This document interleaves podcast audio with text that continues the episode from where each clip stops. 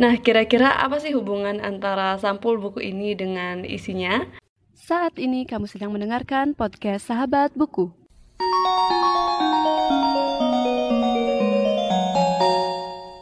Halo semuanya dan selamat datang kembali di podcast Sahabat Buku.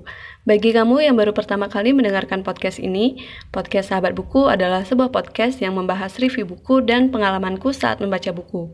Bulan ini kami masih akan menemanimu dalam episode spesial Dengar Sastra Bicara bekerja sama dengan penerbit KPG, Gramedia Digital, dan 11 podcast buku lainnya. Dengar Sastra Bicara tayang setiap Rabu dan Minggu sampai awal Januari 2022 di Spotify dan siapabilang.com.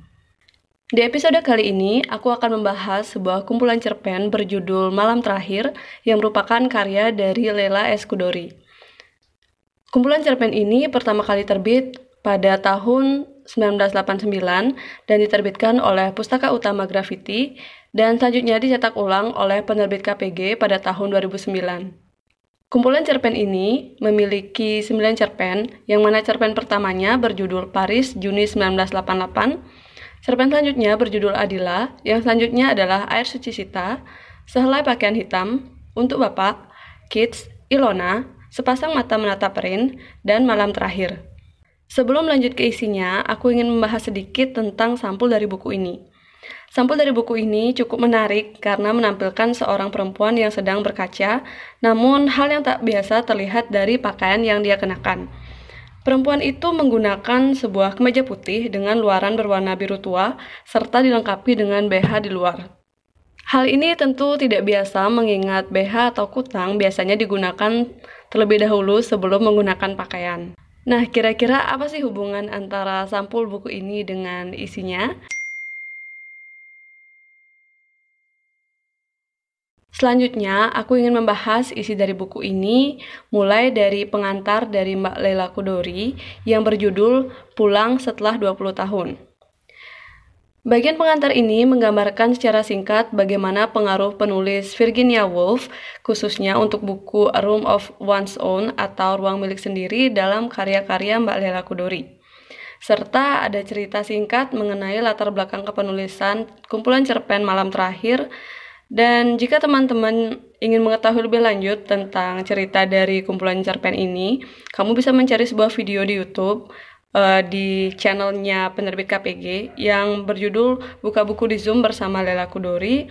Dan di sana kamu bisa menemukan lebih lanjut gitu gimana cerita yang Mbak Lela Kudori sampai menulis uh, cerpen dan juga novel. Dan selanjutnya aku akan membahas cerpen-cerpen yang ada di buku ini. Cerpen pertama berjudul Paris, Juni 1988, menceritakan seorang gadis yang berada di kota Paris dan sedang mencari kamar kosong di penginapan. Nantinya dia akan menemukan sebuah kamar yang mana bersebelahan dengan seorang laki-laki yang bernama Mark. Nah, Mark ini terlihat cukup aneh dan si gadis ingin mencari tahu apa yang terjadi dengan si laki-laki itu.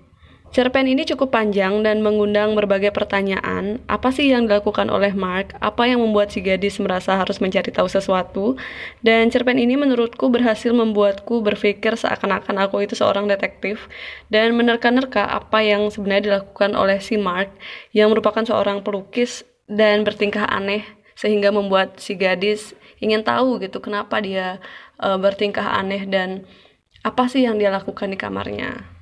Cerpen selanjutnya berjudul Adila yang menceritakan seorang anak gadis berumur 14 tahun yang namanya Adila dan dia berbincang dengan tokoh yang ada di novelnya dan tokoh itu bernama Ursula. Adila merupakan seorang anak gadis yang bandel dan dia suka membuat ibunya marah karena kelakuan-kelakuan yang dia lakukan. Cerpen ini cukup aneh menurutku karena itu uh, menggambarkan beberapa hal yang agak absurd gitu. Tapi di sisi lain itu yang menjadi nilai tambah dari cerpen ini karena mengisahkan seorang anak gadis yang tidak biasa dan melakukan hal-hal yang terdengar cukup aneh dan beberapa percakapan pun terdengar uh, agak berat tapi juga di sisi lain sangat belak-belakan. Cerpen ketiga yaitu sebuah cerpen berjudul Air Suci Sita di mana mengisahkan seorang perempuan yang diculik oleh raja berwajah sepuluh dan dipisahkan dengan suaminya yaitu si Raja Agung. Di mana cerita ini bertalian dengan kisah seorang perempuan dan laki-laki yang sedang memiliki sebuah masalah. Cerpen ini memberikan kesan misterius karena sepertinya terinspirasi dari kisah Ramayana yang diolah sedemikian rupa sehingga menimbulkan kesan yang tidak kuno dan tetap memberikan kesan yang melekat pada pembaca. Nah, untuk cerpen-cerpen lainnya, kamu bisa membacanya di buku kumpulan cerpen Malam Terakhir yang bisa kamu dapatkan di toko buku Gramedia atau di aplikasi Gramedia Digital. Sebelum lanjut ke pendapat pribadi aku mengenai buku ini, kamu bisa menemukan podcast Sahabat Buku di Instagram at dan juga subscribe di YouTube Sahabat Buku. Hal menarik pertama yang aku temukan dari buku ini adalah penggunaan bahasa yang terang-terangan alias belak-belakan. Di beberapa cerpen, yang salah satunya adalah cerpen berjudul Adila, penulis menggunakan bahasa yang bisa dibilang sangat belak-belakan, dan contohnya ada di percakapan di halaman 25, yaitu tentang arti masturbasi dan menyentuh alat vital dan merasakan kenikmatan dari hal tersebut. Itu cukup belak-belakan sih menurut aku, karena menggambarkan sebuah uh, gimana ya bagian dari seks gitu. Kalau seperti uh, episodeku sebelumnya yang tentang saman gitu uh, apa namanya novel Saman karya Ayu Utami itu juga ngebahas hal-hal yang berbau seksual gitu. Jadi itu terkesan uh, belak-belakan gitu terang-terangan untuk membahas hal-hal yang bisa dibilang banyak orang masih menganggapnya sangat tabu gitu Hal kedua yang juga menarik dari buku ini adalah tema-tema dalam cerpennya ini sangat beragam, mulai dari bertema tokoh yang sangat lugu, tapi di sisi lain juga ada cerita tentang masalah sosial, di sisi lain ada cerita tentang feminisme yang menurutku uh, sangat gimana ya sangat eksploratif gitu membahas tentang perempuan. Dan juga ada cerita tentang perasaan gitu. Dan ya cukup baper lah waktu aku membaca buku ini karya ini termasuk aku anggap berbeda gitu dari buku-buku Mbak Lela yang sebelumnya aku pernah baca seperti Pulang dan Laut Bercerita. Jadi waktu aku membaca buku Pulang dan Laut Bercerita, itu rasanya kayak uh, fiksi sejarah gitu kan. Itu melekat banget gitu. Kayak Mbak Lela tuh penulis uh, buku fiksi sejarah gitu. Tapi pas aku membaca buku ini aku melihat seakan melihat sisi penulis yang lain gitu. Karena uh, ini tuh cerpennya kayak cukup lepas gitu dari dari sejarah. Walaupun memang ada uh, beberapa cerpen yang ada nyangkut sama sejarah juga.